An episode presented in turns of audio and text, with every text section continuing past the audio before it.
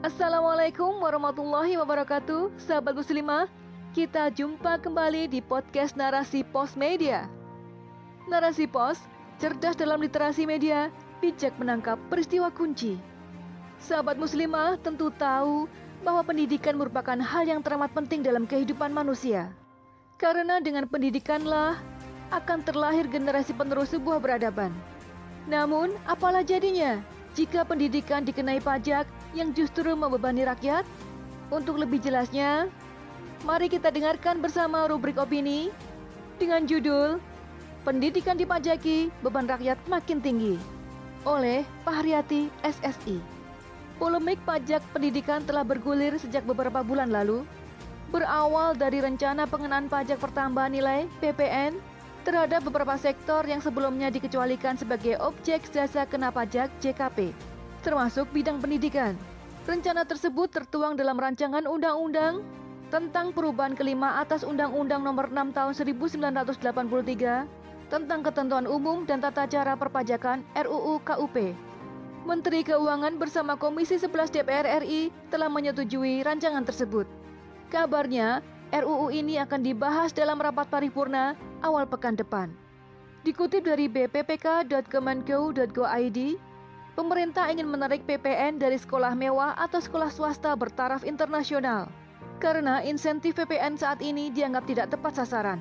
Di tahun 2021, pemerintah menganggarkan 550 triliun rupiah untuk sektor pendidikan. Anggaran tersebut terpakai untuk semua fasilitas pendidikan, termasuk pendidikan mewah. Anggaran pendidikan gratis dan les privat berbayar tinggi sama-sama tidak kena PPN.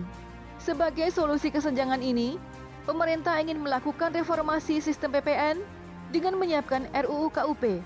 Banyak pihak yang kemudian protes terhadap rencana ini karena akan menyebabkan efek domino.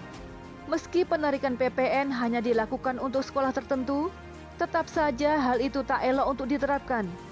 Akan berdampak buruk bagi dunia pendidikan, terutama sekolah swasta atau lembaga pendidikan lain yang juga berperan menopang pendidikan di negeri ini. Sekolah atau lembaga yang terkena PPN tentu akan menaikkan biaya pendidikannya. Kesenjangan sosial makin terasa. Pendidikan berkualitas dan berfasilitas lengkap makin tak terjangkau oleh masyarakat kelas bawah. Rencana ini kontraproduktif dengan upaya peningkatan kualitas pendidikan. Kualitas pendidikan Indonesia masih rendah. Menurut US News and World Report, yang merangkum peringkat sistem pendidikan terbaik di seluruh dunia, pada tahun 2021 Indonesia ada di peringkat 55 dari 73 negara. Rencana penarikan PPN pada sektor pendidikan tak lepas dari tata kelola kapitalisme yang diterapkan di negeri ini. Dalam konsep kapitalisme, negara atau pemerintah bukanlah pelayan rakyat, melainkan hanya fasilitator. Negara tidak menjamin pemenuhan kebutuhan masyarakat, termasuk pendidikan. Jika rakyat ingin mendapatkan pemenuhan yang layak atau berkualitas tinggi, mereka harus membayar kepada pihak penyelenggara jasa pelayanan. Jika tak mampu membayar, harus bersabar dengan pemenuhan yang seadanya. Sedikit demi sedikit, rakyat diarahkan untuk mandiri. Mereka diminta memenuhi seluruh kebutuhan hidupnya sendiri.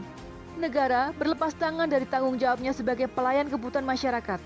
Ironisnya, di sisi lain, kita mengetahui ada kebijakan keringanan pajak bagi para pengusaha.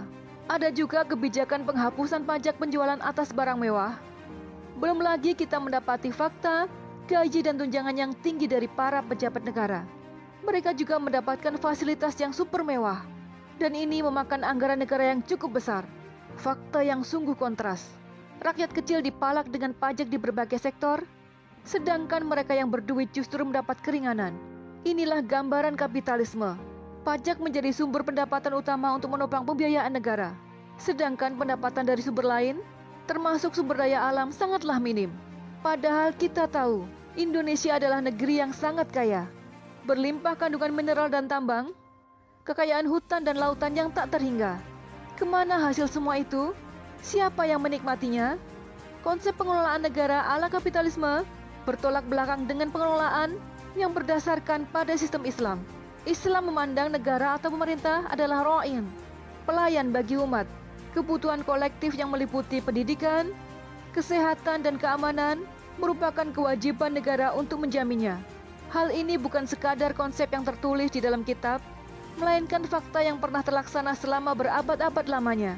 Saat Daulah Khilafah masih tegak, pendidikan diselenggarakan negara secara gratis. Seluruh masyarakat punya hak yang sama dalam mengakses sekolah dengan fasilitas lengkap dan mumpuni.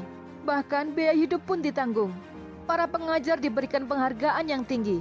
Kesejahteraannya dijamin, para peneliti difasilitasi, sehingga riset dan teknologi terus berkembang. Mereka yang menuangkan ilmunya ke dalam tulisan juga sangat dihargai diberi ganjaran emas seberat buku yang ditulisnya. Semua itu tentu memerlukan dana yang besar. Tak bisa terlepas dari sistem ekonomi Islam yang diatur sesuai tuntunan syariat. Ada tiga sumber pemasukan negara. Pertama, harta zakat ditarik dari beberapa jenis harta yang memenuhi hitungan nilai dan waktu tertentu. Pengeluarannya khusus untuk delapan golongan ditentukan oleh Al-Quran. Kedua, harta kepemilikan negara seperti pungutan kharaj, fa'i, ghanimah, dan lain-lain. Hal ini bisa dilakukan untuk keperluan negara, termasuk pembiayaan pendidikan. Ketiga, harta kepemilikan umum, yakni dari pengelolaan hak milik umum, seperti tambang dan berbagai sumber daya alam. Jika dikelola dengan benar, harta ini akan sangat mencukupi kebutuhan seluruh masyarakat. Bukan malah dikuasai dan dinikmati segelintir orang saja. Dalam Islam, pajak bukanlah sumber utama pendapatan negara, Pajak hanyalah opsi terakhir jika kas negara mengalami defisit. Misal saat terjadi bencana atau krisis. Penarikannya pun tidak dibebankan kepada semua orang, melainkan hanya ditarik dari orang yang memiliki kelebihan dari pemenuhan kebutuhan pokok dirinya dan tanggungannya. Selain itu, pajak dalam Islam juga tidak bersifat permanen. Ketika kas negara sudah stabil, maka pungutan pajak akan dihentikan. Demikianlah sekelumit gambaran sistem Islam. Semua ini tak akan bisa terwujud jika negara masih berpegang pada bingkai kapitalisme. Hanya daulah khilafah Islam satu-satunya pilihan.